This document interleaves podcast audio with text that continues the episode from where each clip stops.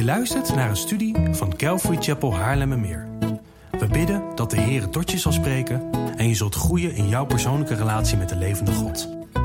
Bezoek voor meer informatie onze website calvarychapel.nl. Dat is C A L V A R Y C H A P E L.nl.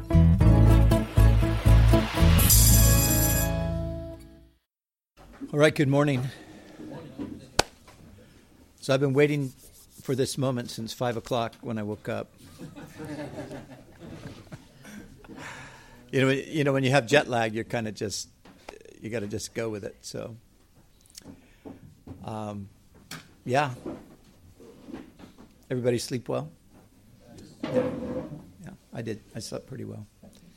Um, you know, this is this is just it's great to be able to do this to go through um, a book of the Bible like this. You know, for me, normally, like if I were to teach First Thessalonians at home, for example, it would take me months, you know, to, to get through it. Just you know, just you go at a really slower pace, and so it's been a while since I've had the opportunity to just take a book and in a couple days, you know, just just go through it. So I like it. And I hope you like it too. I mean, that's the most important thing. So we're picking up here in the second chapter. Everybody was here last night, right? Is there anybody that wasn't here last night? Looks like everybody was here. You you you weren't here. Okay. Stan can give you the recap uh, later.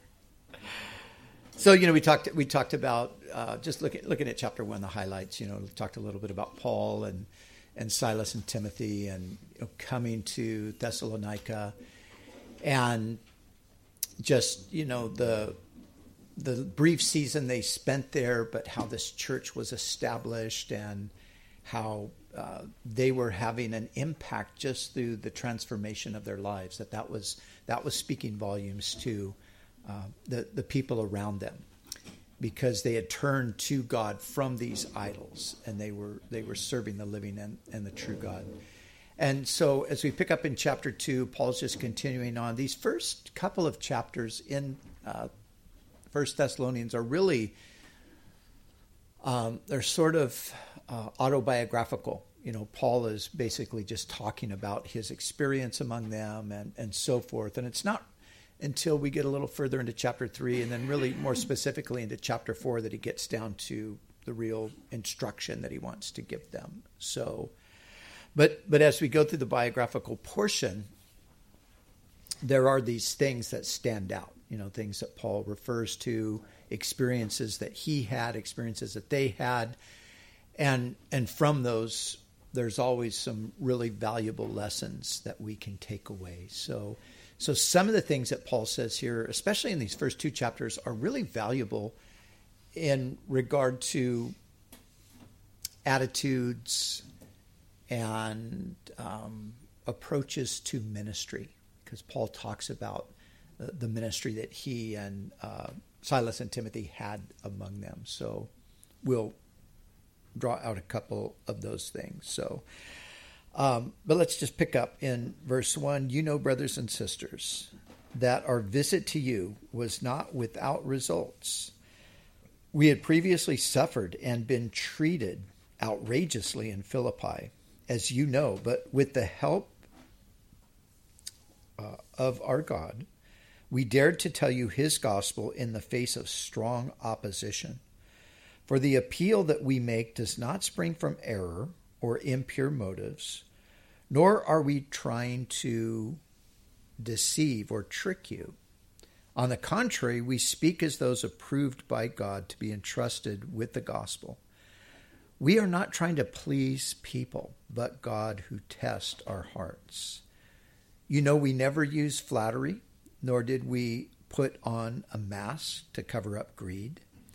God is our witness. We were not looking for praise from people, not from you or anyone else, even though as apostles of Christ we could have asserted our authority.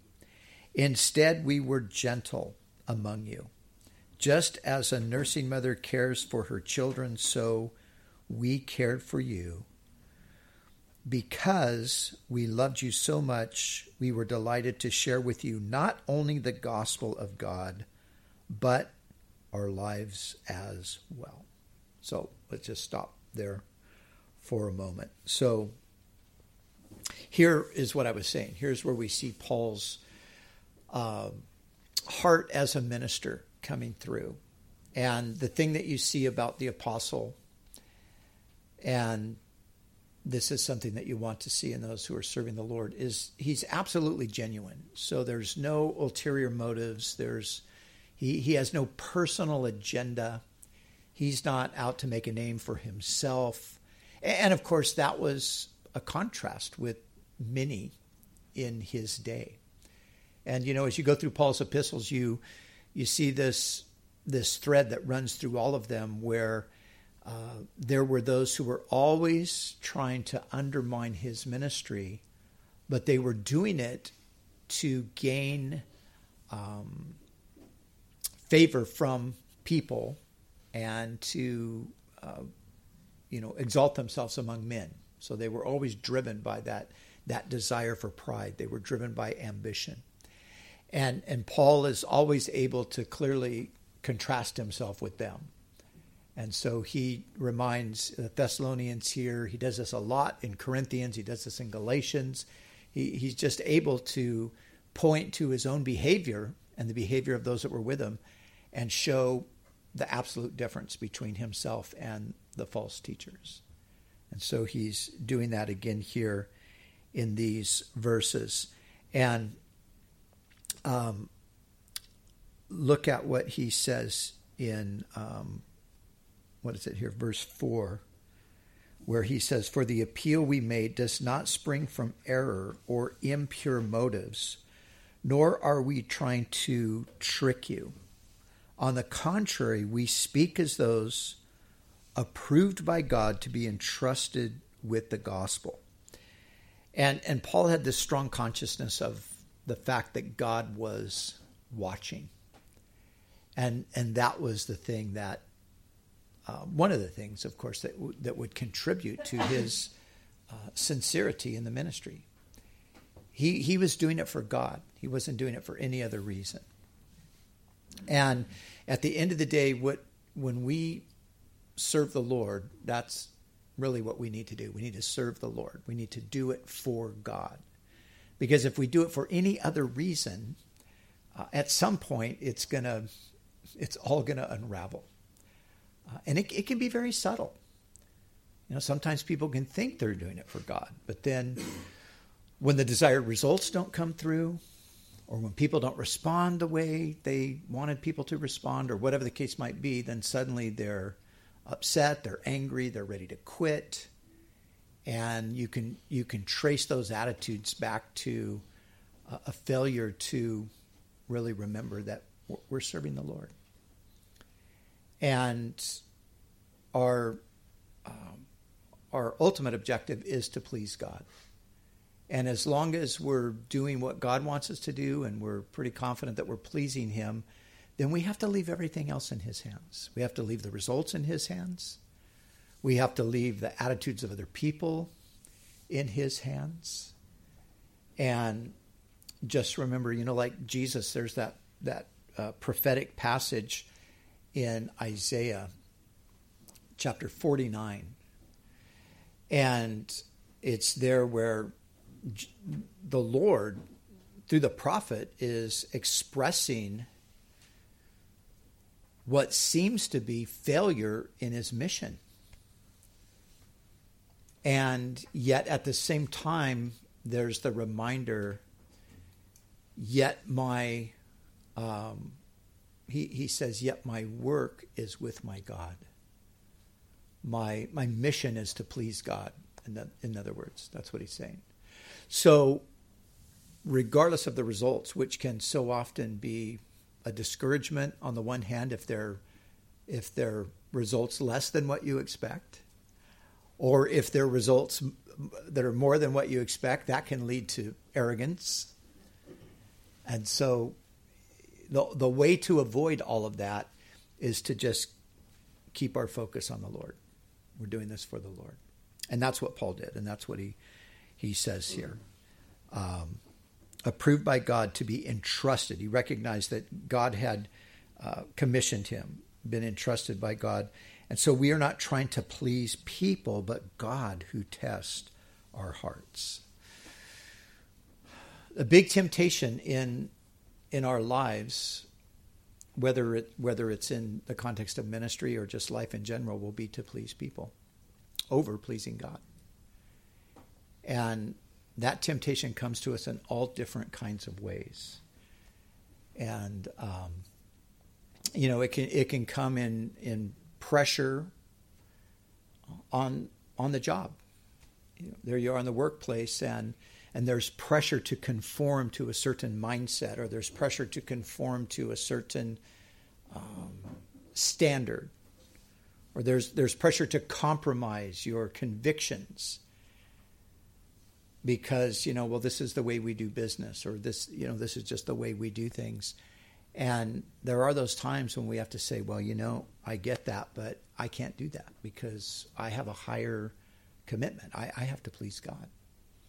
And that can result in all kinds of things right? That can result in um, uh, being shunned when it comes to promotion. It can result in um, even the loss of employment it can result in um, criticism from your colleagues, all, of those kinds of things.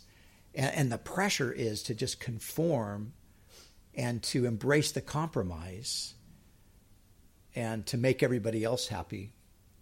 But in doing that, you're going to be disobeying God.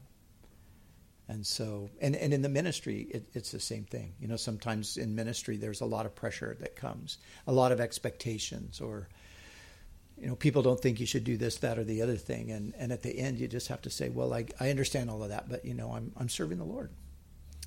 And this is my, my commitment is first to Him.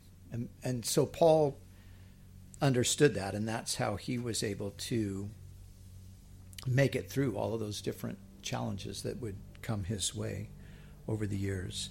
And then he says again about themselves, uh, you know, we never use flattery, nor did we put on a mask to cover up greed.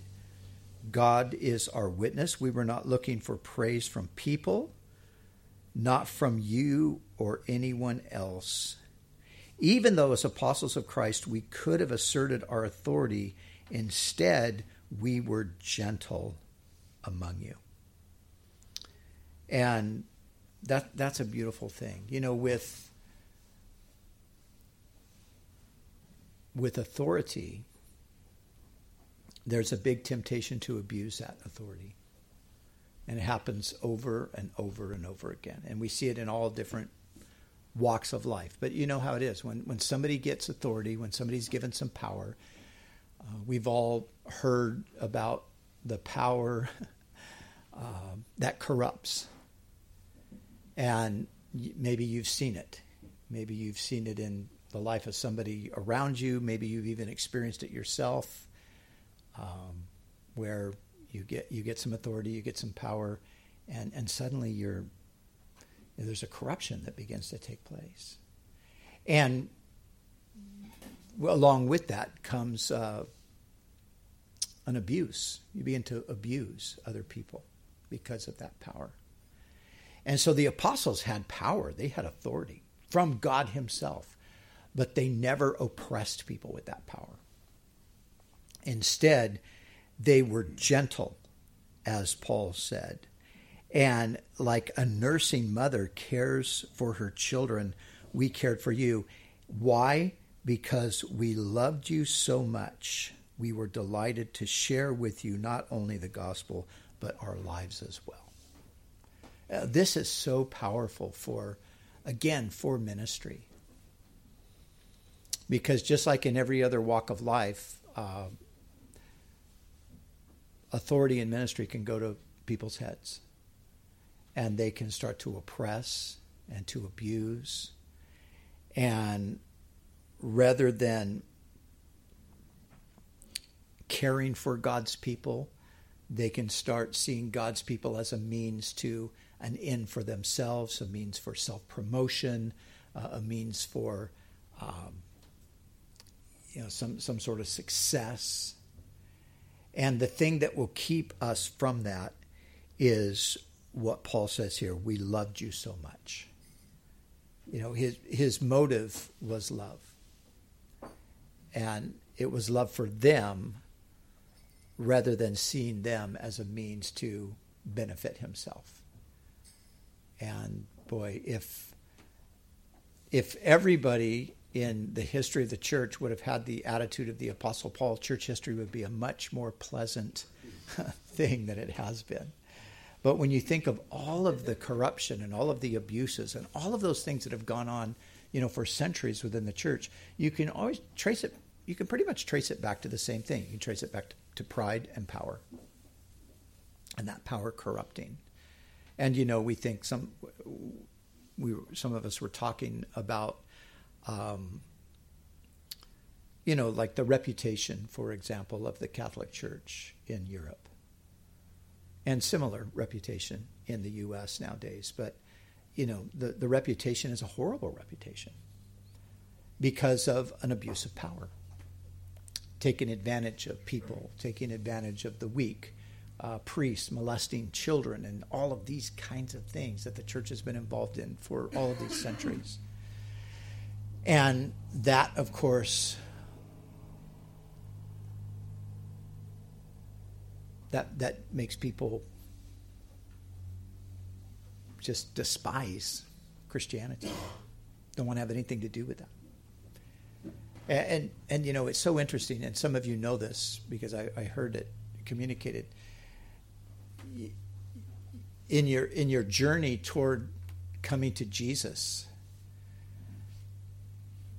you were not thinking you were coming to Jesus.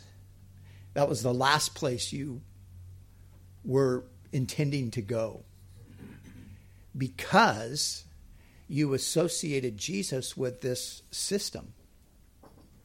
And in your search for meaning and all that, uh, you know, you just thought, well, it's for sure not there. And then when you arrive at Jesus, you're like, wait, how, how, does this work? I was listening to somebody's testimony recently, and they were saying that so they were they were on this you know quest for something. This was back in 1969, and this person's a friend of mine, and um, she left home at the age of uh, 18. She lived in Maryland in the U.S., and her first stop was Woodstock. and after Woodstock, she hitchhiked across the U.S. to Oregon she and at the age of 18, 19 years old, she's in San Francisco. She's hitchhiking up and down the West Coast, and she's on a search for God. She grew up as a Catholic, but rejected all of that, and then you know went on this quest to find truth and spirituality and all this. And so she's telling the story. And, you know, through a long process, she finally ends up in Oregon. She gets picked up hitchhiking and she gets taken to this commune. And she thinks it's just this is during the hippie time so she just thinks it's it's a bunch of hippies. But she gets there and they're all different than than any of the other hippies that she had met up until this point. And they're all really nice. And they're kind and they're loving and they're helpful. And she's like wow what is this? And she said that so finally she says like well what is it with you guys? What what is this about? And they said well, it's about Jesus. and she said, Oh, no. No way. No, this, no. I, and this is the way she put it. She goes, No, no, no. I, I know about Jesus. That this is not Jesus. See, in her mind, the Jesus she knew about was the Jesus from her Roman Catholic upbringing. As far as she was concerned at that point, that Jesus had absolutely nothing to offer. But suddenly she's encountering the real Jesus. Now, she was telling this story because we were doing an interview with her um, on a project to talk about this Jesus People movement that happened back in the 60s and 70s. And, you know, finally there at that at 19 years old, she receives Christ. And she's 68 years old now, and she's telling the story. And um, but but the point that I'm making is the long drawn out point here is just because of this ambition and this desire for power and dominion over people, uh, the church has left a horrible witness in the culture. And this is why people will kind of gravitate toward any kind of spirituality except Christianity, because they've never really seen real Christianity. But when they see real Christianity, like Paul was manifesting to the Thessalonians, when they see people who have authority but don't abuse their authority, they see people who have power but use their power to love and to serve rather than to benefit themselves, that's radical. That's transforming. And it goes back to the things that Jesus said, right? He said, Now, uh, the rulers of the Gentiles, they lord over one another but it shall not be so among you. For the one who's going to be the greatest among you is actually going to be the servant of all. And Paul took those truths and he just incorporated them into his life and ministry. And that's what he's expressing here to the Thessalonians. And I love what he says when it, here in verse 8, uh, when he says, Because we loved you so much, we were delighted to share with you not only the gospel of God, but our lives as well. And that, that's the beautiful thing. You know, we share not only the gospel, but we share our lives because the gospel comes most powerfully through lives. Just like the word became flesh and dwelt among us, uh, God, God wants to use us. He wants to, uh, you know, Jesus, we refer to, to the incarnation. You know, the word means be, becoming flesh. And so God communicates through becoming a human being. And he wants to uh, incarnate us as well. So we come not just with words, we come with words, but we come with a life that that brings those words powerfully to people because they, they don't only hear what you're saying, they see it happening in your life. And that's, that's the way to be a Christian, whether you're uh, a Christian in a congregation or whether you're leading a congregation.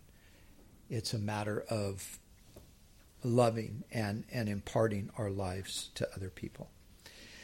And he goes on and says, um, Surely you remember, brothers and sisters, our toil and hardship. We work night and day in order not to be a burden to anyone while we preach the gospel to you, the gospel of God.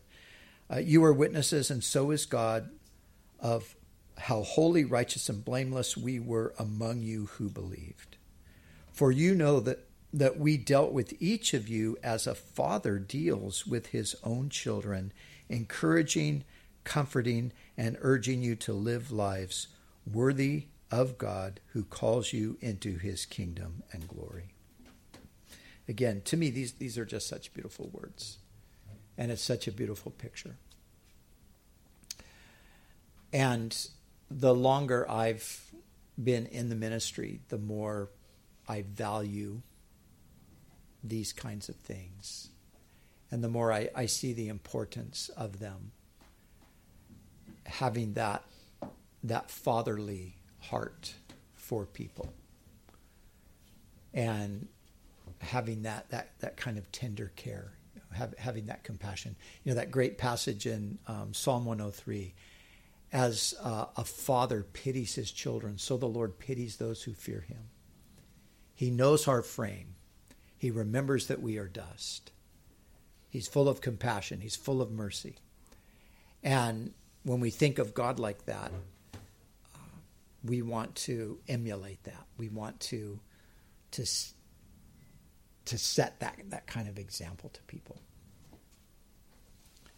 You know, at this stage in my life, as I pastor, as I teach God's word, man, I want people in our congregation every Sunday to leave knowing one thing primarily I want them to know how much God loves them.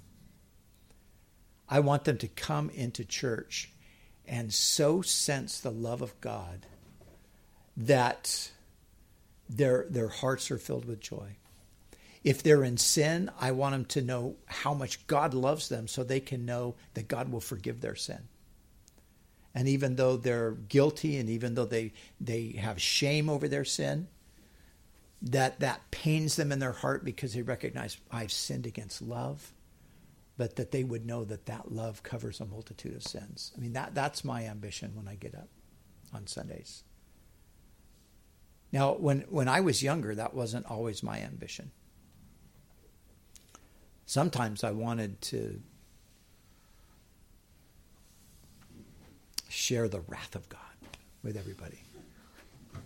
I wanted people to know that God was angry about this, that, and the other thing. And I remember times, you know, where I would, we, we would call it um, beating the sheep, you know. And a lot of times you're just taking out your own frustrations on the people.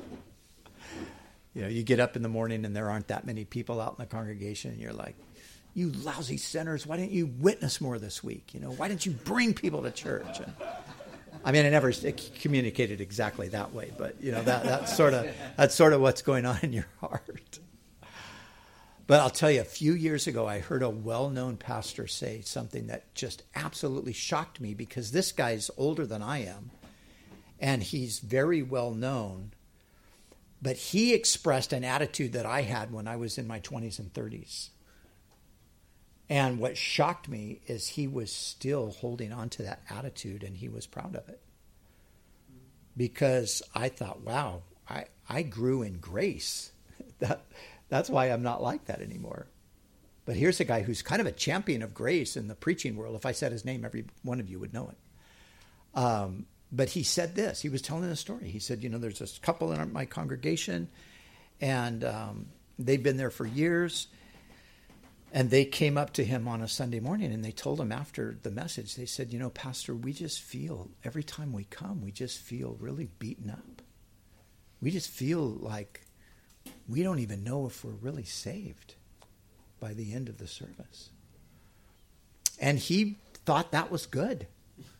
He was proud of himself that he was doing a good job challenging these sinners and making sure they were convicted. And when I heard that, I thought, wow, how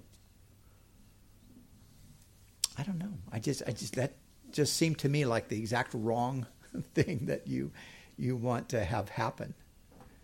Uh, and now there's a place for people getting convicted of sin. Don't get me wrong, but that's the Holy Spirit's job. And if Sunday after Sunday after Sunday they come and they leave Sunday after Sunday after Sunday feeling beat up and thinking that they don't even know if they're Christians, to me that's a problem. And the problem isn't with them. The problem is with the person preaching because they're obviously not communicating God's grace. And these people are not understanding God's grace. But Paul, of course, he was the champion of grace. He got it. He knew it. He understood it. And and Paul's big battle all throughout his ministry, it was the battle for grace. That's what Paul fought for. You know, Paul dealt with the issues of sin. He dealt with various moral issues and all of those kinds of things. Of course, he addressed those things. He's going to address that in the fourth chapter, the area of uh, sexual morality or sexual immorality. Um, but that was not his focus. His focus was the grace of God. Because Paul, his background, you know, was a Pharisee.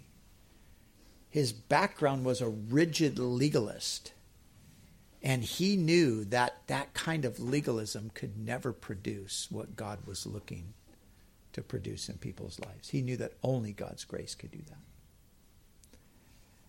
And it's interesting because when you study, I, I taught Galatians a few years ago uh, to our church, and, and in Galatians, it's amazing because you you remember the the story there where you've got a at a certain point in Antioch, you have Peter and even Barnabas compromising with legalism that's coming down from Jerusalem, and you have Paul resisting them. Now, if you looked at it outwardly from a religious lens, you would probably tend to side with, with Peter and with Barnabas because they were being rigid law keepers. Albeit the law they were keeping wasn't God's law, it was the law of tradition that had developed. But they were being rigid law keepers, and Paul resisted that. And this is why, because Paul knew. Remember, um, Peter was a was a fisherman. Paul was a theologian. Uh, Peter was a, a Jewish believer. Paul was a Jewish teacher. And you see, Paul knew where this road would lead. Peter didn't quite know where it would lead. And so Peter compromised not with fornication or drunkenness or those things. He compromised with legalism. And Paul withstood him to his face. Because legalism will kill your spiritual life. And legalism will kill a church. You want a dead church? Just start preaching the law because and when you're preaching the law, the first thing that goes is love. This description that Paul gives of himself here as um, you know this father who cares for his children, you will not find that spirit in a legalistic church. Because when legalism comes in, what happens is the relationship becomes a relationship of of master and slave versus father and child. And so the constant environment is one of either sensing your failure and being condemned or thinking you're righteous, which leads to self righteousness and then to arrogance. That's the kind of environment that legalism creates, one or the other. And uh, oftentimes it's a mixture of both. But it's love and grace that creates that environment of mercy and tenderness and compassion and hope and all of those things. And and that's what Paul's expressing. That that was his heart. That was his attitude there toward the Thessalonians. And so I love what he says here. Encouraging, comforting them. Those, those are the words that go along with the spirit. Encouragement, comfort. And now in verse 13, he says, And we also thank God continually because when you received the word of God, which you heard from us, you accepted it not as a human word, but as it actually is the word of God, which is indeed at work in you who believe. This, this is a key passage right here. I love this passage um, because what Paul is doing here, as you can see, is he's reminding them that the message is not a human word. Now, isn't it true that we still hear that quite often today when it comes to the Bible? How many of you have ever heard somebody say, "Well, the Bible's just written by men"? Well, what, what you know, why should I listen to the Bible? Because after all, the Bible, you know, these guys just wrote it up. Like their their thinking is that the Bible is just uh, a compilation of human ideas about God. Well, you could actually say that that's what every other religious book in the world is. It's a compilation of human ideas about God. The Bible is the exact opposite. The Bible is God's word about himself to mankind. It's a revelation. And, you know, in our culture today, I, there, there's absolute opposition to revelation. People don't want to hear revelation. We don't want to hear some word that's coming to us from somewhere else, some authority that's based on revelation. No, we have the authority in and of ourselves. We're going to make up the rules ourselves. We're going to we're going to we're going to discover how to live on our own. We don't need any outside source communicating that to us. So this this idea, this conflict is a conflict that goes all the way back to this period, as you see, uh, the conflict between what is what is the Bible? Is it God's word or is it man's word? And of course, the biblical claim is that it's God's word. And that's our position. That's what we say. we tell people this is the Word of God. Now, to claim that the Bible is God's Word doesn't necessarily prove that it is, right? So, are there ways that we can support that claim? And, and there are many ways that we can support the claim. And you can look at the, the Bible, uh, its accuracy regarding history, regarding geography, regarding um, you know, e- even things uh, scientific. The Bible's not a scientific textbook, but it's consistent with what we know about things scientifically. And so, you know, you can use all of those kinds of things as support for the claim that the Bible is God's Word, but none of them prove it. But there is one thing that does prove it. And it's the one thing that God built into the scripture itself as the proof. God said that this would be the proof that the Bible tells the beginning from the end, or the end from the beginning. The Bible, the Bible tells uh, the future. And the Bible tells the future with 100% accuracy. And that's what God said through Isaiah. He said, Test me and compare me with the other gods. Can the other gods tell you what's going to happen? in the future? And God said, no, they can't, but I can. And so that that uh, predictive prophecy that we have in Scripture, that is the proof that the Bible is the Word of God. But the other proof is the power that the Bible exerts when people encounter it. And and that's what Paul says here, really he says that it's the you heard it, you accepted it not as a human word, but as it actually is the word of God, which is indeed at work in you who believe. And that's one of the great proofs as well. The, one of the great proofs is what uh, the Bible does um, for those who believe it. The power that it exerts over our lives, a power that transforms us. So I was, I, I, I mentioned yesterday that I was at a conference last week, and um, do any of you know who Professor John Lennox is? Any of you guys know? Okay. So we were together, and um, you know, there's there's always this this idea that uh, you know, well, the, there's science and then there's faith, and of course, science is legit and faith is is illegitimate, and there there's you know there's there's no scientific evidence for Christianity. You you know you hear those kinds of things, and somebody asked Dr. Lennox two questions. One of them was Do you think there's scientific proof for the truth of Scripture? And he said, Yes, I think there's plenty. And then the second question was What do you find is the best atheist argument against Christianity? Now, I was about to answer these two questions myself, but they called on Lennox first.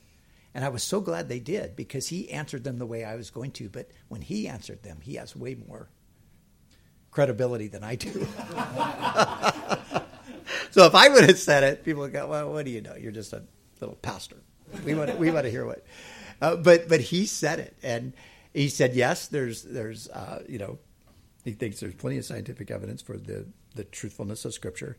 And then he said, in regard to the to the best atheist argument, he said there are no good atheist arguments. None. None of their arguments are good. Couldn't think of a single one. And I thought, man, that's so true. But I, I said to him later, we were having a conversation. I said, you know, I've often thought about this because science, you know, is empiricism, right? It's it's evidence based. You know, you have experimentation and you see the same things occur, and so you come up with, you know, this is through your hypothesis and all of the experiments, you know, you come up with an established scientific fact or whatever. And I said to him, I said, you know, don't you think that human transformation through the gospel of Jesus Christ is scientific evidence for the validity of the gospel. Because if you think about it, there are millions and millions of specimens, if you will. There are millions and millions of people whose lives have been radically transformed, and they have one common denominator, and that's faith in Jesus. And I said, that to me seems to be pretty scientific. And happily, he agreed. Yes, that, that, that is right. And that, again, as Paul says here, the Word of God, it works in us. It changes people. I mentioned those two guys who served time for murder. And you know, we, we could just go through history and and pick out you know numbers of people whose lives have been so radically impacted. And of course the author of this letter is a person we could start with. Because remember this was a man who went through a full life transformation. This is a man who was on a mission to destroy christianity and then became uh, the greatest uh, advocate for the gospel in history. And so the Word of God, it works in those who believe. And what does it do? Well, it does all kinds of things. Um, if you open or just flip back in your Bible for a second to um, Psalm 19. And we have a brief list in Psalm 19 of the things that God's word does for for those who believe it.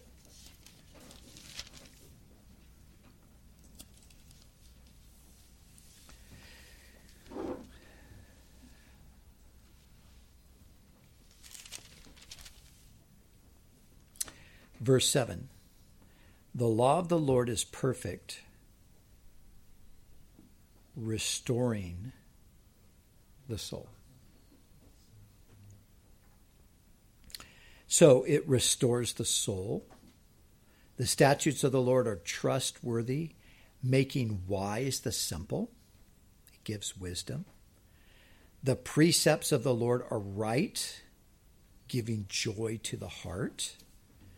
The commandments of the Lord are radiant, giving light to the eyes.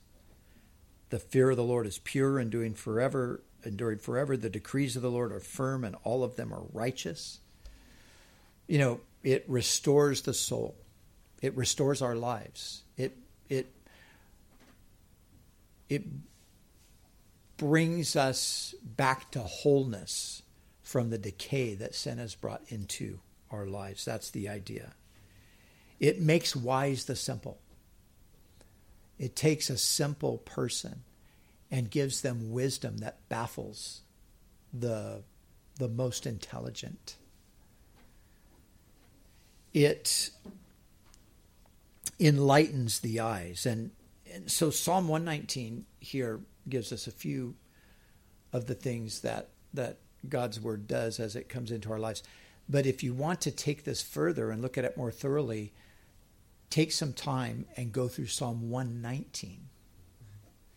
Because Psalm 119, you know, is the longest chapter in the Bible. And basically, Psalm 119 is dedicated to the Word of God and the power of the Word of God and the impact and effect of the Word of God upon our lives. And it just goes through a list of things. And, and this is the absolute beauty of God's Word. And it does that because it's true, but it also does it because behind God's Word is God Himself. And the God who spoke the world into existence is the same God that speaks into us through the scriptures. And just as the you know God spoke everything into existence, God speaks things into our lives. and he speaks that transformation into our lives. And this is a fact. Wherever you see either ch- Christians collectively or individual believers devoted to God's word, you see spiritual health and you see blessing. Wherever you find Christians collectively and individually who neglect God's word for whatever reason, you find the opposite. You find that they're spiritually anemic. You find that they're unhealthy. You find that the church itself is powerless in the face of uh, the encroaching wickedness of a, of a culture. You find that individuals are defeated and have no real spiritual strength or ability to, to progress in sanctification. Because all of that's tied back to God's Word. So when Jesus prays for those who are going to believe in Him in John 17, remember he prays this. He says, Father, sanctify them, set them apart, make them holy, sanctify them by your truth. And then he adds, Your word is truth. So you see that this is what God's word does. And so if if it's neglected on the collective level or on the individual level, then the sanctification process is um, it's brought to a halt. We don't progress in sanctification. But when we come under the power and the conviction of Scripture, that's when the life change takes place. And that happens, like I said, for individual people, but it happens collectively as well. And so a healthy church is going to be a church that has strong roots in the scripture and a strong priority of the Bible. And a healthy Christian is going to be a person who takes God's word seriously and, like Psalm 1 says, meditates in God's word day and night. And the person who does that, we know what that psalm says, right, is going to be like a tree planted by the rivers of water. They're going to bring forth fruit in their season. Their leaf is not going to wither. Whatever they do is going to prosper. And that's all tied back to God's word. So Paul is attributing this um, turning to God from idols, their work of love, their their uh, or their work of faith, their labor of love, all of that. He's now attributing all of that to their reception of God's word. It's because they received God's word that these kinds of changes took place that then sent a message out to the surrounding culture about the reality of God. And and like I was saying last night, you know, I mean sometimes we can we can verbalize with people. We can share our testimony. We can share God's word. Sometimes we don't have those opportunities so much, but as we live out our faith, as we just live it, that is speaking to people itself. And, and especially a person who has gone through, uh, you know, a significant transformation. When I became a Christian, a few a few years later, um, there were there were some guys in the the group of people that I kind of grew up with that that also became Christians, and they were notorious. These two guys, they were they were known around town as bad guys. You know, they would steal from people. They were violent. They were abusive. They were rude. You know, they were just, they were not good guys. And they came to Christ. And everything changed. And one of my friends who wasn't a Christian still, one of my really good friends, he came to me one day and he said, Man, I got to talk to you. What happened? what happened to those guys? Now, he knew that I had changed, but a few years had passed. And, you know, he was still doing his thing. But but these these guys just really shook him up. How drastically they had changed. And so he says to me, he says, What happened? And I said, They met God. And he said, Evidently so. I love that response. I mean, to him, like, okay, that's a that's a legitimate explanation because the change was so radical in their lives. But but you know, he he had not talked to them, and them told him that. But he wanted to talk to me because he saw it. He he watched it. That's the beauty. I love it. It's so great. And so, that's what happened to the Thessalonians, and that's what's happened, you know, right down to today, and that's happened to many of you in this room. You can attest to it. But then Paul goes on, For you, brothers and sisters, became imitators of God's churches in Judea, which are in Christ Jesus. You suffered from your own people the same things those churches suffered from the Jews, who killed the Lord Jesus and the prophets and also drove us out. They displease God and are hostile to everyone in their effort to keep us from speaking to the Gentiles so that they might be saved. In this way, they always heap up their sins to the limit. The wrath of God has come upon them completely or at last. So, Paul speaks a little more uh, specifically about the kind of persecution, just as just as the the Jewish believers in Judea were persecuted by the Sanhedrin and those, so the Thessalonians were being persecuted as well. But then he says this he says, But brothers and sisters, when we were orphaned by being separated from you for a short time in person, not in heart, out of our intense longing, we made every effort to see you. So remember, they had to leave Thessalonica in a in a hurry because of the persecution. And so the time was brief and they would have loved to have stayed longer and really seen them established in the faith, but because of the persecution, they had to flee. And so Paul is saying that they, they long to get back to them to help them grow in their faith. Paul was concerned that maybe maybe maybe it didn't stick, maybe it didn't take. He was worried about them. So he expresses um, the desire that they had uh, to to come back and to see them. For we wanted to come to you. Certainly, I Paul did again and again, but Satan blocked our way.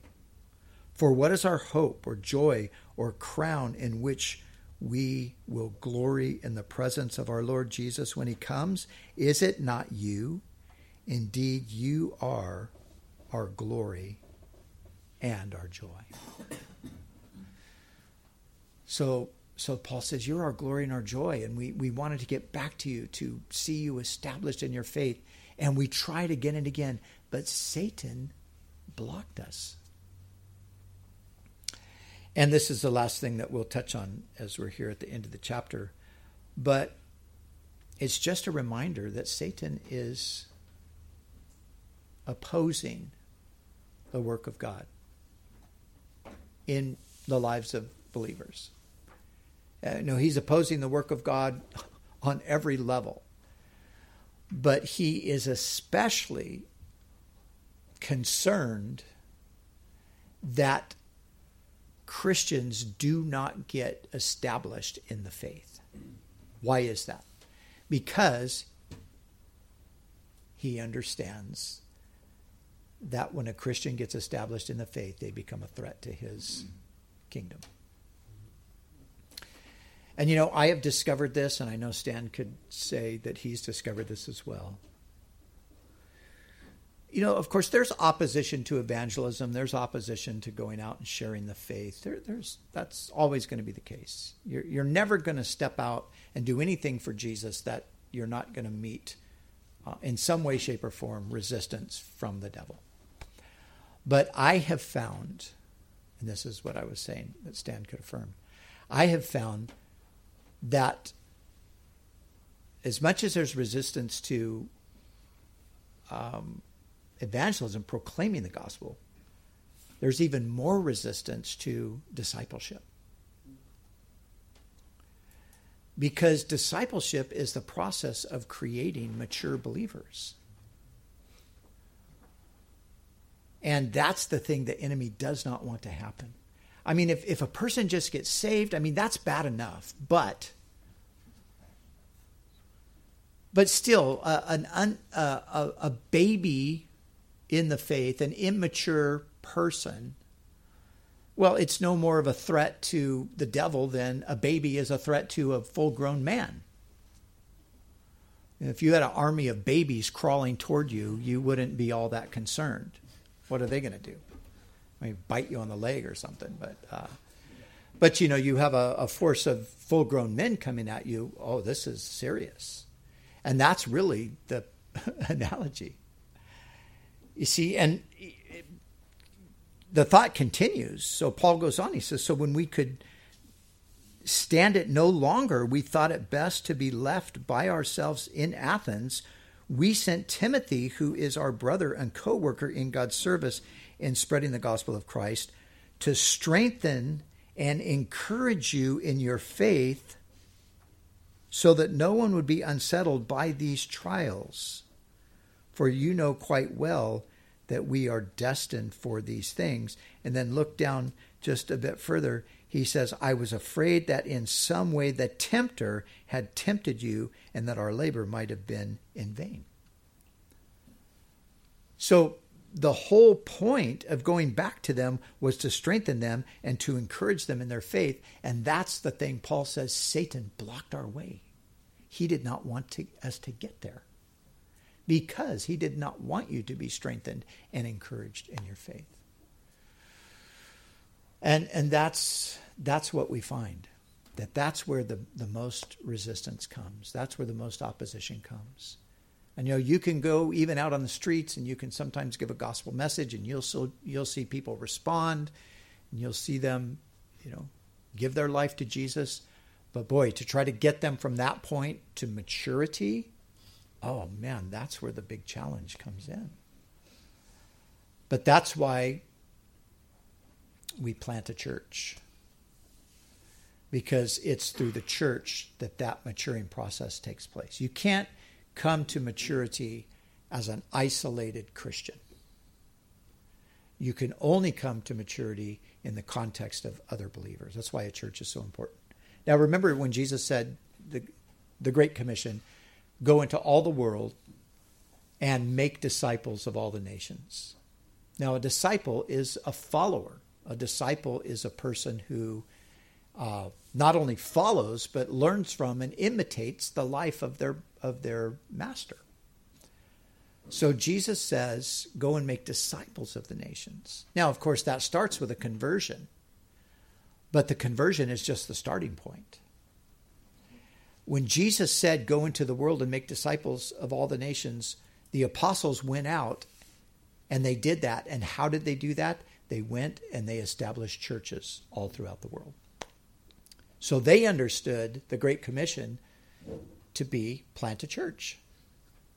Because it's through the church and through those gifted people that God will raise up within a church and that community coming together, that's where people grow to maturity and become an effective force against the powers of darkness. I, I, like to think of a church as like a military installation behind enemy lines. You know, you're basically setting up an, uh, a military base in enemy territory. And from that military base, you're going out on these guerrilla strikes against the enemy. And it's a training center. It's a place for people to be built up. It's a place for people to be equipped so they can go out and do damage to the kingdom of darkness by bringing people out of that darkness into light. But as Paul said, the devil does not lay down and let you do that. He resists that. He opposes that in a million and one different ways. And if you know, if you just think about the various ways that he does that, there are so many different ways. One of the, one of the primary things he does, and he's been very successful, is he seeks to undermine the authority of Scripture. He seeks to um, deny that this is really God's word, and he tries to undermine confidence in it. He tries to keep it out of the public eye. You know, anything to keep people from hearing God's word. And he's done that over and over again. And he's done it with varying degrees of success. I mean, at times in history, he's been able to get whole, whole cultures um, that had no access to God's word. You think of during certain seasons in the Roman Empire, the time of Diocletian, when he took and confiscated all of Scripture that he could find and burned it and destroyed all the churches throughout the empire. And that was that was an effort. But then you think of all of the the um, things that occurred during the Islamic era, the early days of Islam, and its spread out from Arabia into the Middle East and even into Europe. And they did essentially the same thing. And you can just go on and on. You see it in the communist era. Bibles are banned. You know, even currently in China now, what are they doing? They're they're knocking down church buildings. They're arresting pastors. They're prohibiting God's word from going out. The devil knows that the Bible is that. Uh, you think about it you just think about the attitude that people have toward the Bible.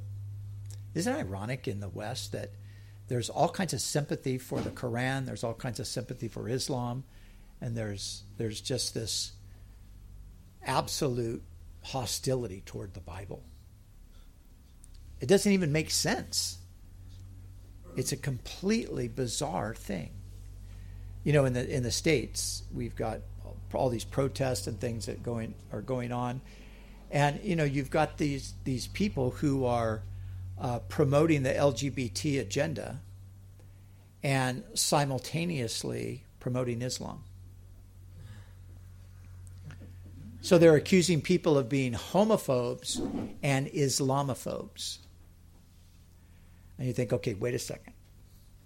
I don't remember that Christians were killing any gay people. But it's an absolute fact that in Islamic cultures where Sharia law exists, they kill gay people. But somehow the confusion in these people's minds is that the LGP and the and the Islamists they they're on the same team. Well, in a sense, they are on the same team. and that's and that's why there's this kind of delusional thinking because it's all part of the devil's plan but in both cases, there's an absolute hostility toward Christ and the gospel and the Bible.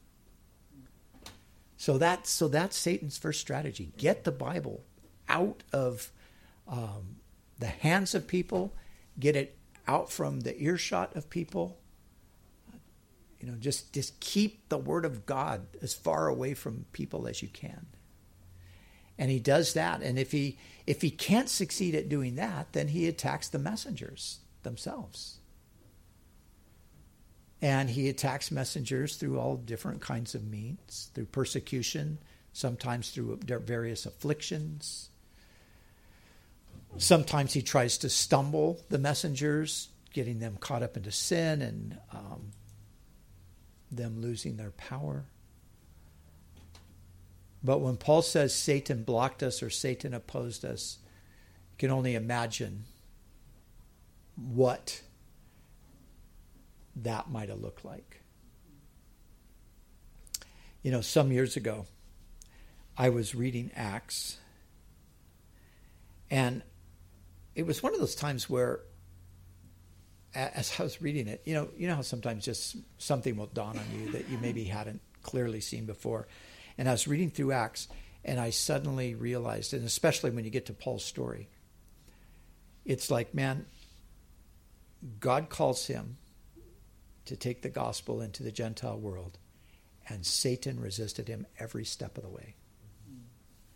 And all that he went through, you know, he outlines it in writing to the Corinthians about the, the imprisonments, the beatings, the floggings, the stonings, the shipwrecks, all of these things.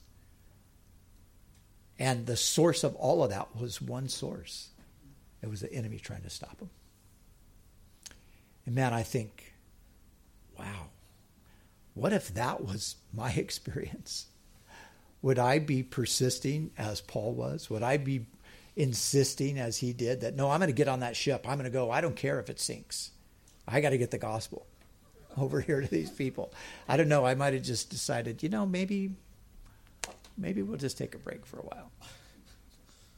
But he didn't. He knew the forces that he was up against, and those are the same forces we're up against today. And the enemy will attack us, and he'll do it in various ways.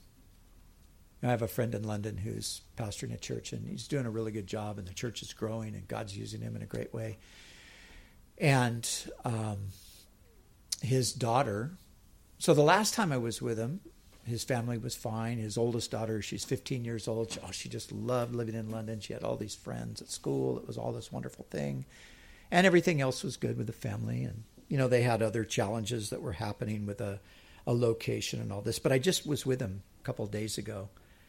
And I um, was talking to him about his family.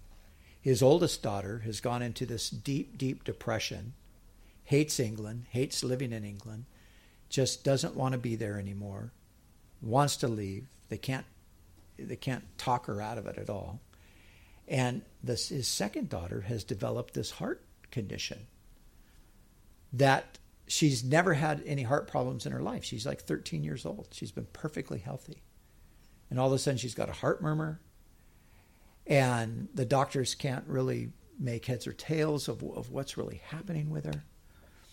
And as we're talking about this, I just said, man, how much of this is just demonic? And he said, I think most of it's demonic. So I think so too. And that the enemy does that. You know, he'll attack your family. He'll attack you where you're vulnerable. He'll attack your marriage. Uh, he'll attack your your bank account. He'll attack you know, nothing nothing's off limits. He'll he'll attack you. He'll tempt you. He'll try to pull you into sin. Anything to neutralize you, anything to prevent you from progressing. And he doesn't rest. Now thank God he's got limitations that God has put on him.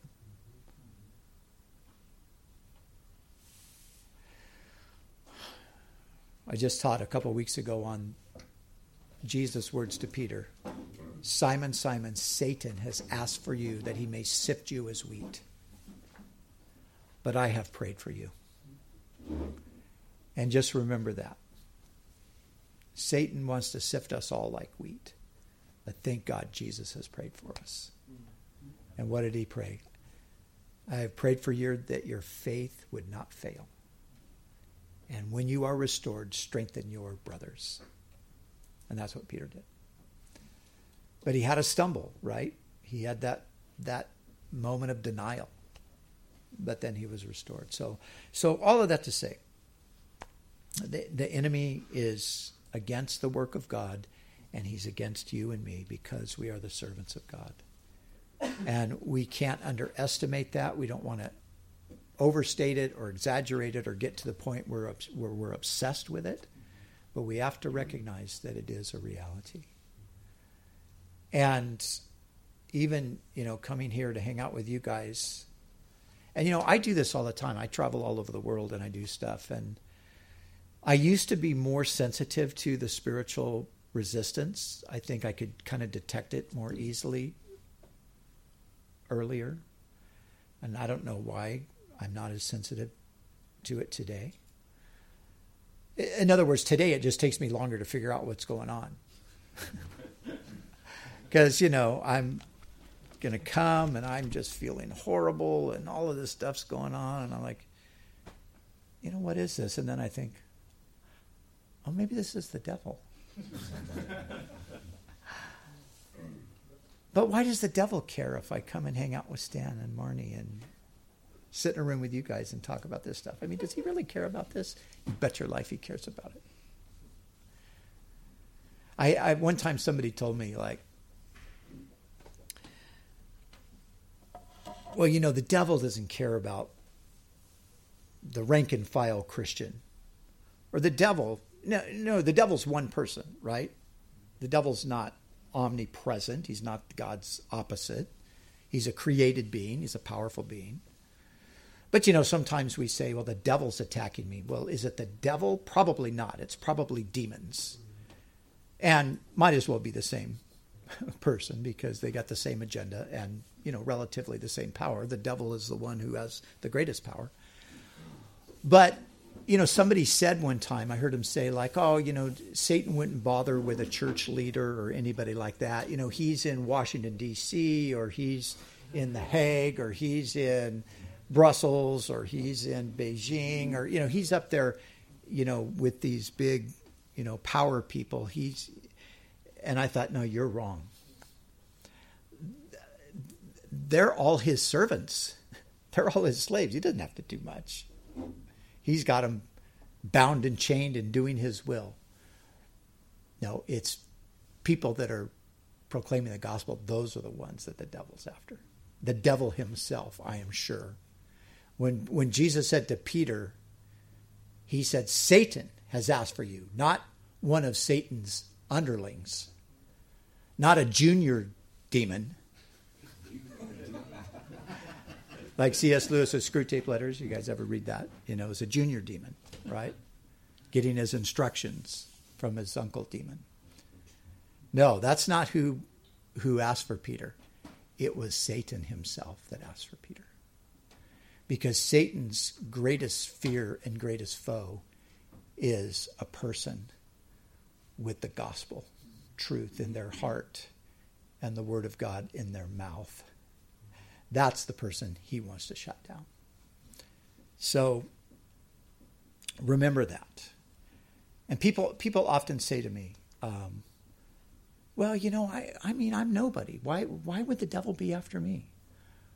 Well, actually, you're you are somebody. You're loved by God, and Satan hates everything that God loves. And that's just simply one of the reasons why he's after you. But not only are you a person, like I said, who God loves, but you're also a person who He knows in advance can create a problem for His agenda. One last story, and I'll finish. Uh, John Wesley, you guys remember John Wesley from history? He was, um, you know, the great English preacher who was involved in what we call today the 18th century revival, the great Methodist revival. Um, the two men that were really instrumental in England during that revival were John Wesley and George Whitefield. And Whitefield was the person who was the first one that began to really see these breakthroughs in his outdoor preaching. And so he was preaching in, in and around the Bristol area, and he was preaching to the miners. And thousands upon thousands of people were coming out to the fields to hear Whitefield preach. And Whitefield had to leave England because he had a uh, he had a commitment in the colonies in Georgia, uh, and and he had to fulfill that commitment. So, but he knew that he couldn't just leave this great thing that God was doing. So he was seeking someone who could step in and and sort of you know take up where he would leave off until he could come back. And he knew John Wesley; they were friends, and they had been together at Oxford, and John was much older than George. Uh, but John, um, or George, George Whitefield, sought out John Wesley. And he asked him if he would take the preaching ministry over while he attended to business in Georgia. And John Wesley, the minute that that question came from Whitefield, was suddenly struck with this fear that if he were to agree, it would mean certain death. And this fear was so powerful, it incapacitated Wesley. He couldn't make a decision, he, he, he couldn't give an answer to Whitefield. And then he went into this frantic thing where he's, I mean, he sees that something's happening and he recognizes the legitimacy of this thing that Whitefield is doing. But he's like, no, I can't do it. I can't do it. I'm, I, I, I'm going to die if I do it. So then he goes to his friends and he starts asking for advice. And every single person he talks to, they affirm his fear. Oh, that's that's right. No, I think God's God's warning you. Don't do it. And then he decides, well, I'm just going to close my eyes and open the Bible, and and then when I open my eyes, wherever my eyes land, I'm gonna that's going to be God's word to me. This is John Wesley, the great John Wesley. That's how he was fi- trying to find the will of God. so don't feel bad if you've ever done that. and he did that on a number of occasions, and every time he did it, it seemed to say it. Yes, this is a warning from God. Don't do it. You're going to die. So Whitefield, of course, is thinking, John, you're out of your mind. you got to do this. God is calling you to do this. So finally, it all comes down to Wesley. He finally just said, okay, if I die, I die. I'm, I'm just going to do it. And it was through him stepping in that that great revival was able to continue on. And I like to put it like this he was about 45 years old when that happened. And he did die at the age of 89. After four decades of preaching the gospel up and down the country. And but point is it was through the tactic of fear that Satan tried to prevent him from entering into the will of God. Because although the devil doesn't know the future, he can calculate, he can put the pieces together. He's been around and he sees, man, you know, God's obviously working. These guys are preaching. Oh, if this goes on, this is going to be serious damage to my kingdom.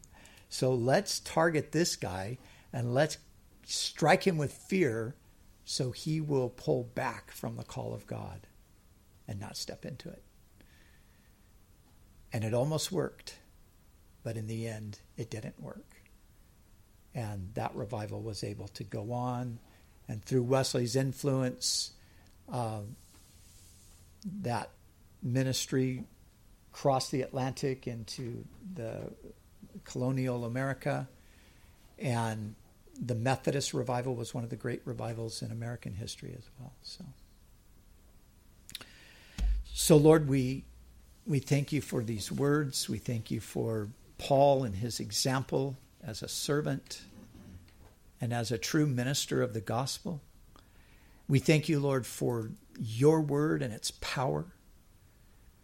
Lord, that it it is the word of God in truth and it changes our lives.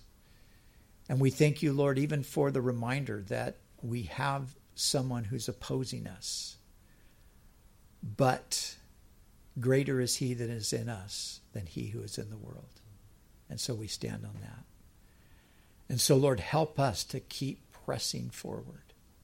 Help us to just keep moving ahead. Guard us, guard our families, guard our marriages, guard our personal lives.